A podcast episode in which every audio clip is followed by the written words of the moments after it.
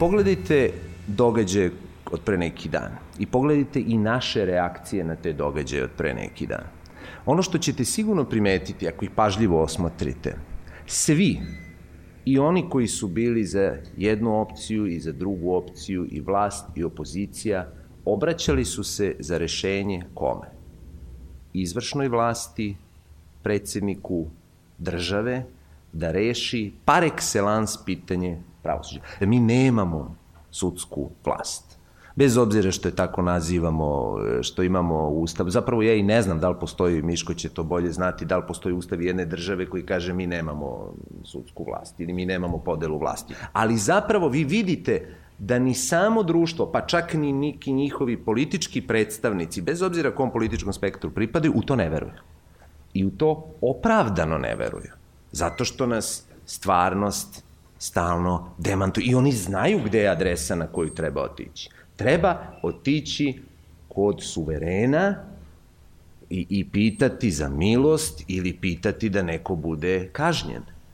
Šta je drugi primer? Pogledajte kako je išla dinamika u tih nekoliko dana. Imali smo ponovo najpre jednu najavu izvršne vlasti o tome šta mora se uradi s tim ljudima. Mora da se brzo, efikasno, strogo kazni, da se pošalje ne, ovaj, svi koji su remetili javni red i mir, ovi su kriviče da se po brzom postupku oštro reaguje i da će biti kažnjene. To je prva informacija koja se dobija i koja se kao i uvek u tim situacijama upućuje onima koji odluku treba da donesu. Onda se menjaju stvari, uopšte ne ulazimo to zašto se menjaju. Menjaju se i onda sa istog tog mesta, znači sad čak i potrčalo nekoliko, čini mi se, predstavnika pravosuđa da odma podrži podrži tu ovaj, priču. Onda se menja stvar i mene zatiče jedna, jedna neverovatna informacija da će predsednik Republike pomilovati ljude za, za, za prekršaje. I ne mogu da verujem i pomislim da je to, kao što i moguće, naravno, naši novinari često ne prave te razlike, šta je tu pomilovanje amnestija, šta, svašta je tu bilo termina, međutim, proverim u originalu da, i kaže, ući će se u proceduru pomilovanja. I kako mi naravno đavo ne da mira, ja zaista tweetnem i kažem ljudi aman zaman stanite, kakvo pomilovanje za, za prekršaj, to uopšte nije, nije, nije procedura. I šta sad dolazi? E, sad potrči, čini mi se predsednik tamo višeg prekršajnog suda i odmah kaže može, može, pa ne znam ovi kao da, da to sad odmah, jer to je u tom trenutku fon na kome putujemo narednih 10 sati ili 12, nemam pojma. E onda se dešava novi obrt Onda izađe sam predsednik, je mu vjerojatno sad neko rekao, e vidi onaj što te nervira, inače stalno rekao nešto, mi proverili, to stvarno ne može. I on onda izlazi i kaže, ne, ja ne mogu da dam pomilovanje. I vi imate jedan potpuni potpuni galimatijas u kojem se mi sad minutno menjamo pravosuđe i njegovi predstavnici pozicije koje brane u društvu. To kaže jedan moj kolega vrlo slikovito, mi minut sudske vlasti na ovim prostorima nismo iskusili. E, šta bi ona zapravo značila? Pa ona bi u, ovom, u ovim prethodnim slučajima značila upravo sve suprotno. Niko od izvršne vlasti u jednom relativno kulturno uređenom, sređenom društvu ne bi mu palo na pamet da pogotovo u nekim najvišim pozicijama države da govori o tome šta će sudovi uraditi i pozivati ih da urade ovo ili ono.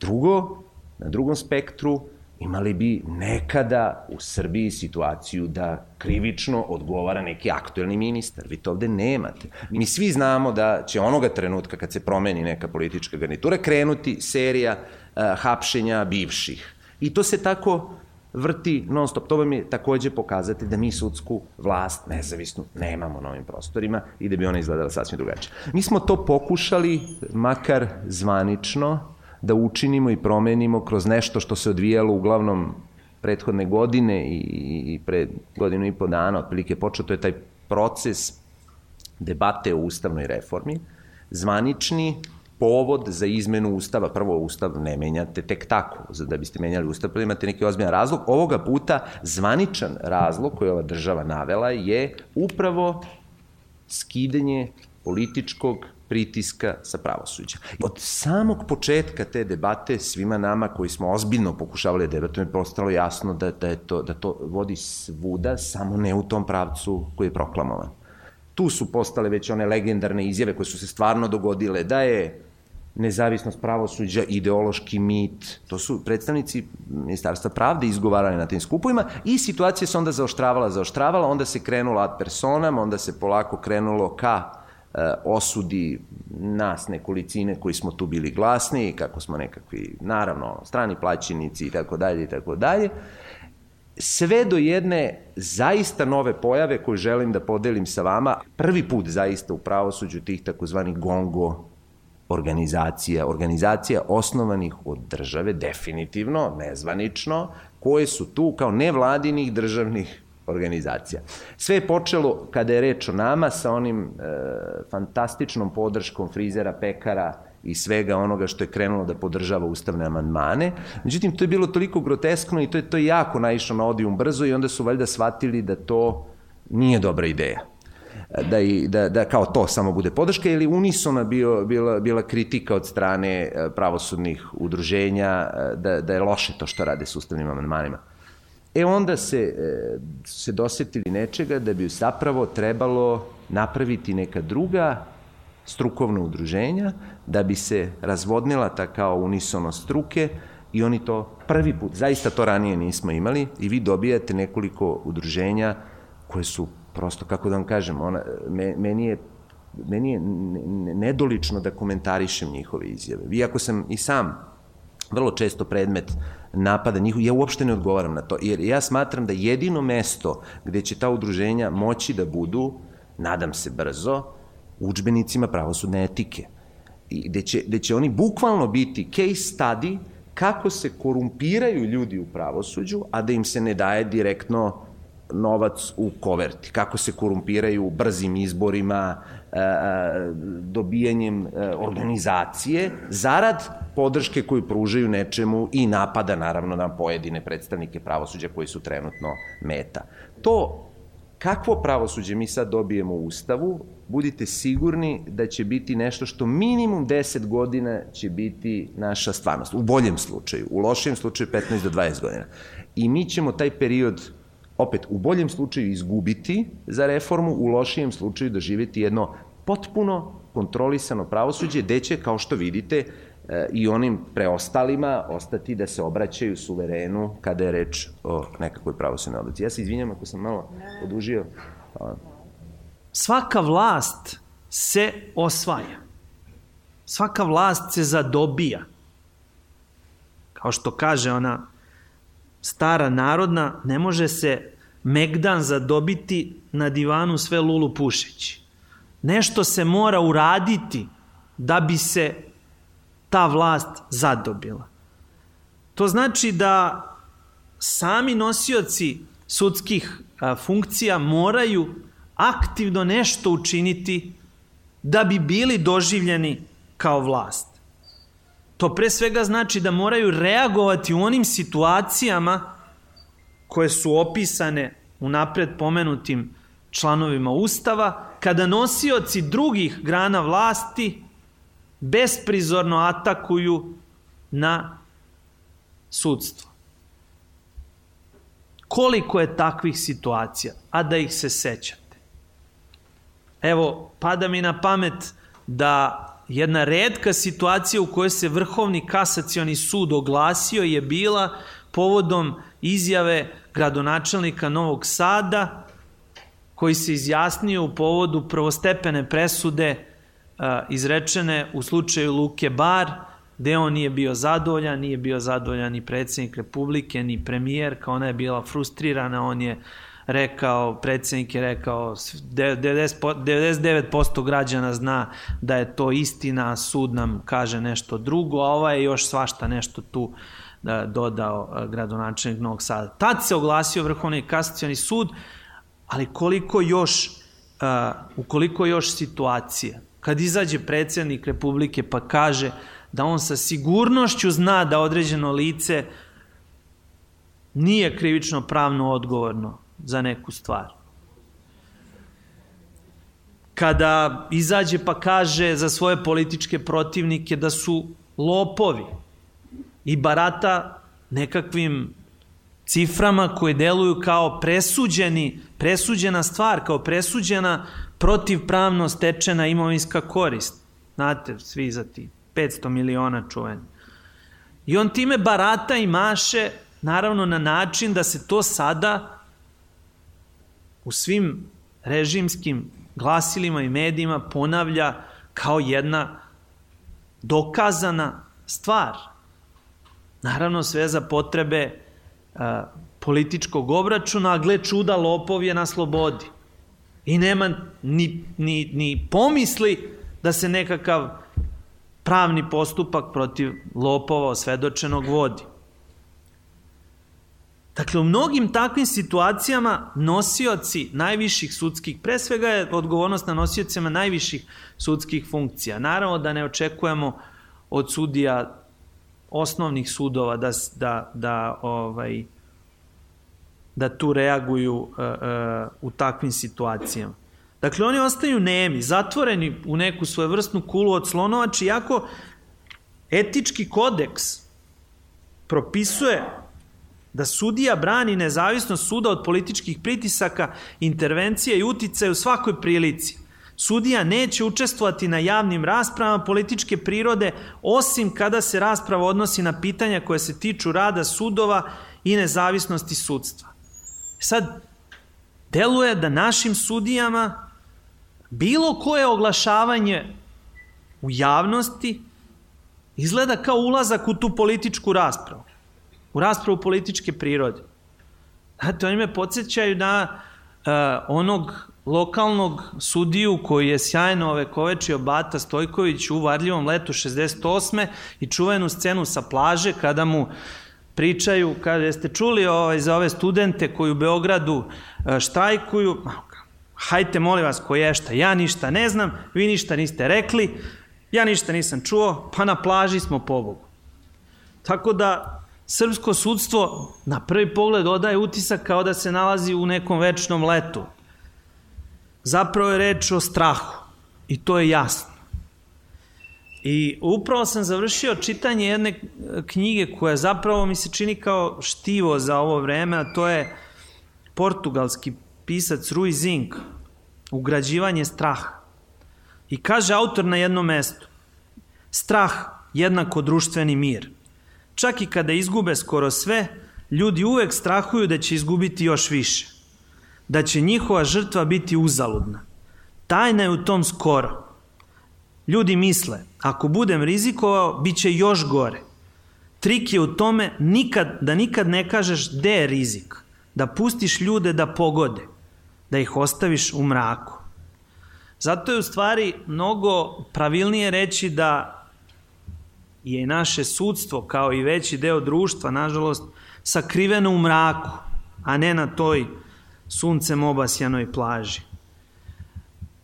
Koliko vas u ostalom zna ovde recimo kako, kako se zove predsednik Vrhovnog kasacijonog suda? Ja zna neko? Vučić. Dakle, sudstvo najpre samo treba da u javnosti stvori utisak da dela nezavisno. Sudije najviših sudova moraju ostavljati daleko upečatljivije tragove u vidu svojih obrazloženja u nekakvim po društvo posebno važnim sudskim slučajima. Evo, recimo, nesumnjivo da je važno pitanje šta se dešava sa hiljadama ljudi koji su se zadužili u švajcarskim francima. I nesumljivo da obrazloženje presuda u takvom slučaju mora biti jedno svedočanstvo a, suda koji donosi presudu i koji a, temeljno i sa punom svešću i odgovornošću dakle izlaže razloge zašto nešto odlučuje na izvestan, na izvestan način.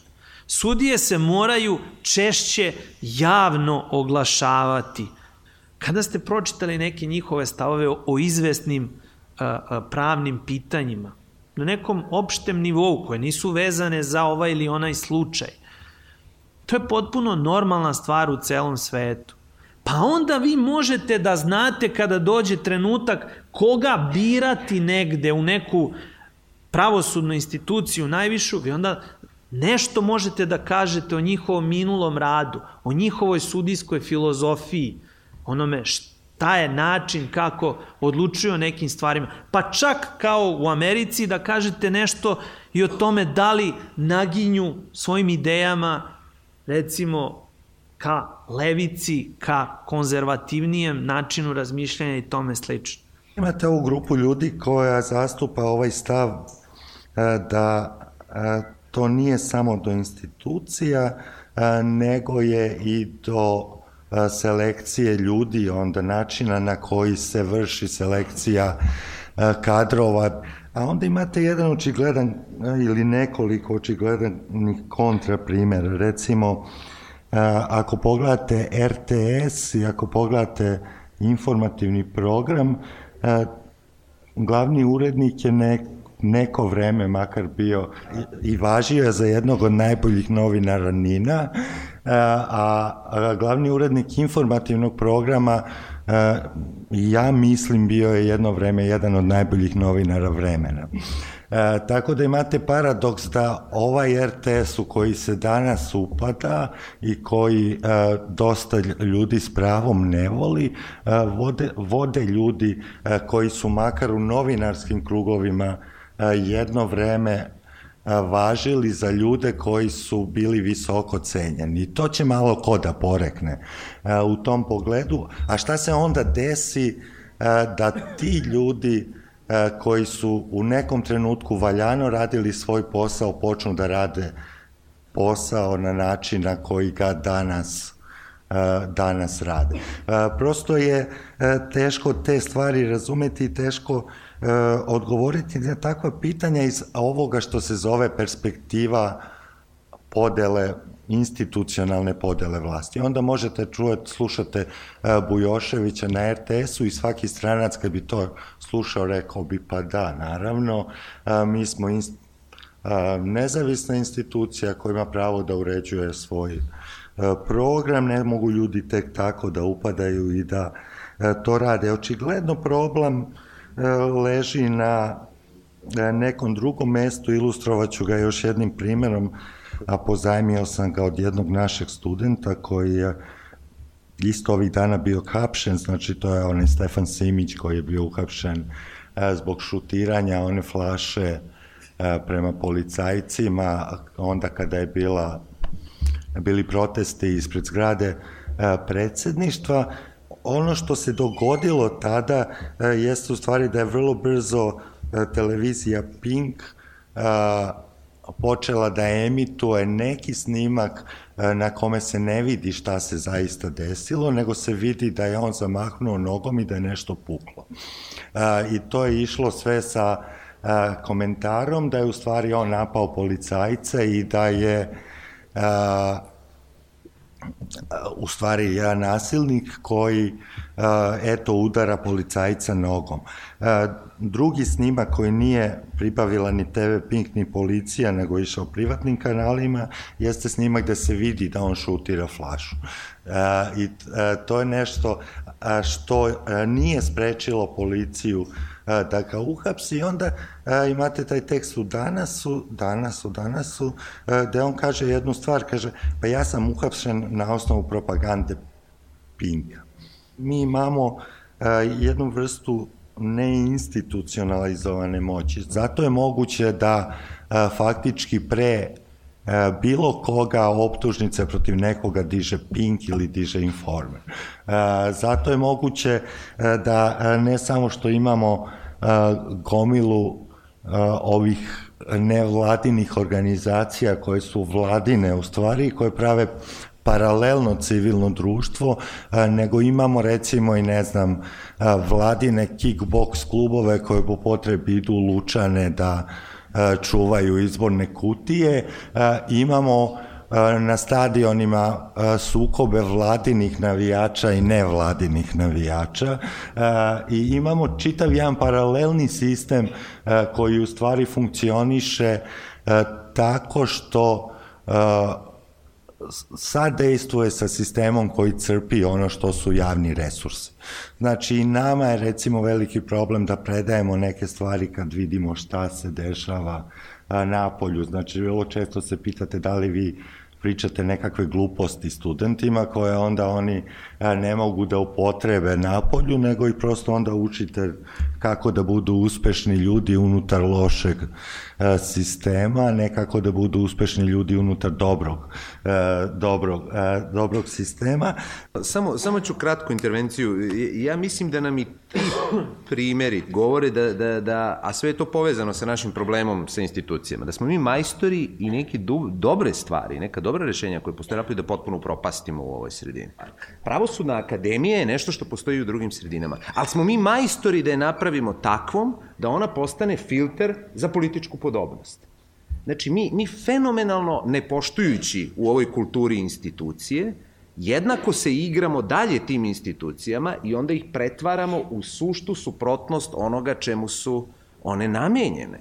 Znate, Pravosudna akademija je namenjena da vi dobijete nakon pravnog fakulteta konkretno, specifično pravosudno znanje koje fakultet po prirodi stvari ne treba da vam da. A mi smo rekli, čekaj, pa postoji tu bolja fora. Mi ćemo sada da, što bi se mi zafrkavali ko sedi u visokom savetu, pa tamo, ne, ne, mi ćemo postavimo tog jednog čuvara na pravosudnoj akademiji, napisat ćemo da svi moraju da prođu pravosudnu akademiju i postanu sudije, eto ti fenomenalne naše varijante da vrlo brzo preselektujemo sudije i da nam postane manje bitno ko će ih posle birati. To je ta neverovatna sklonost deformaciji institucija i ja se jako bojim, ali nisam za to stručan, to bi trebalo da kažete vi zapravo, bojim se da je to jako utkano u, u neka ta kulturološka pitanja, u te probleme ovdašnje, ovdašnje kulture, a to je ono što su nam rekli još kad smo onaj svetinski ustav usađivali ovde, francuski zasad u Turskoj šumi.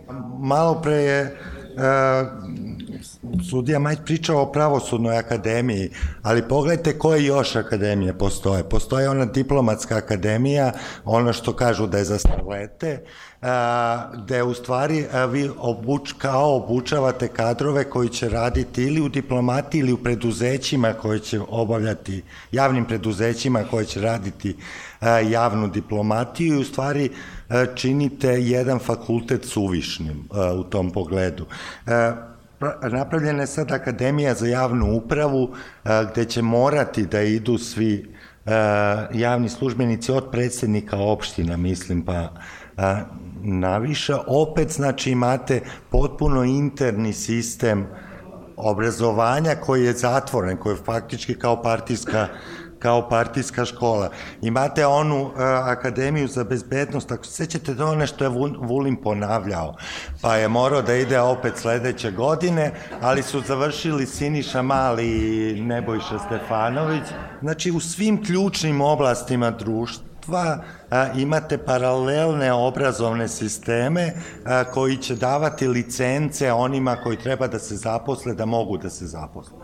Plašim se da će ovaj obrazovni sistem morati ili da pretrpi neke ozbiljne promene ili da nešto uradi kako bi sam sebe sačuvao ili kako makar svi ne bi radili po ovim akademijama za neke sitne honorare.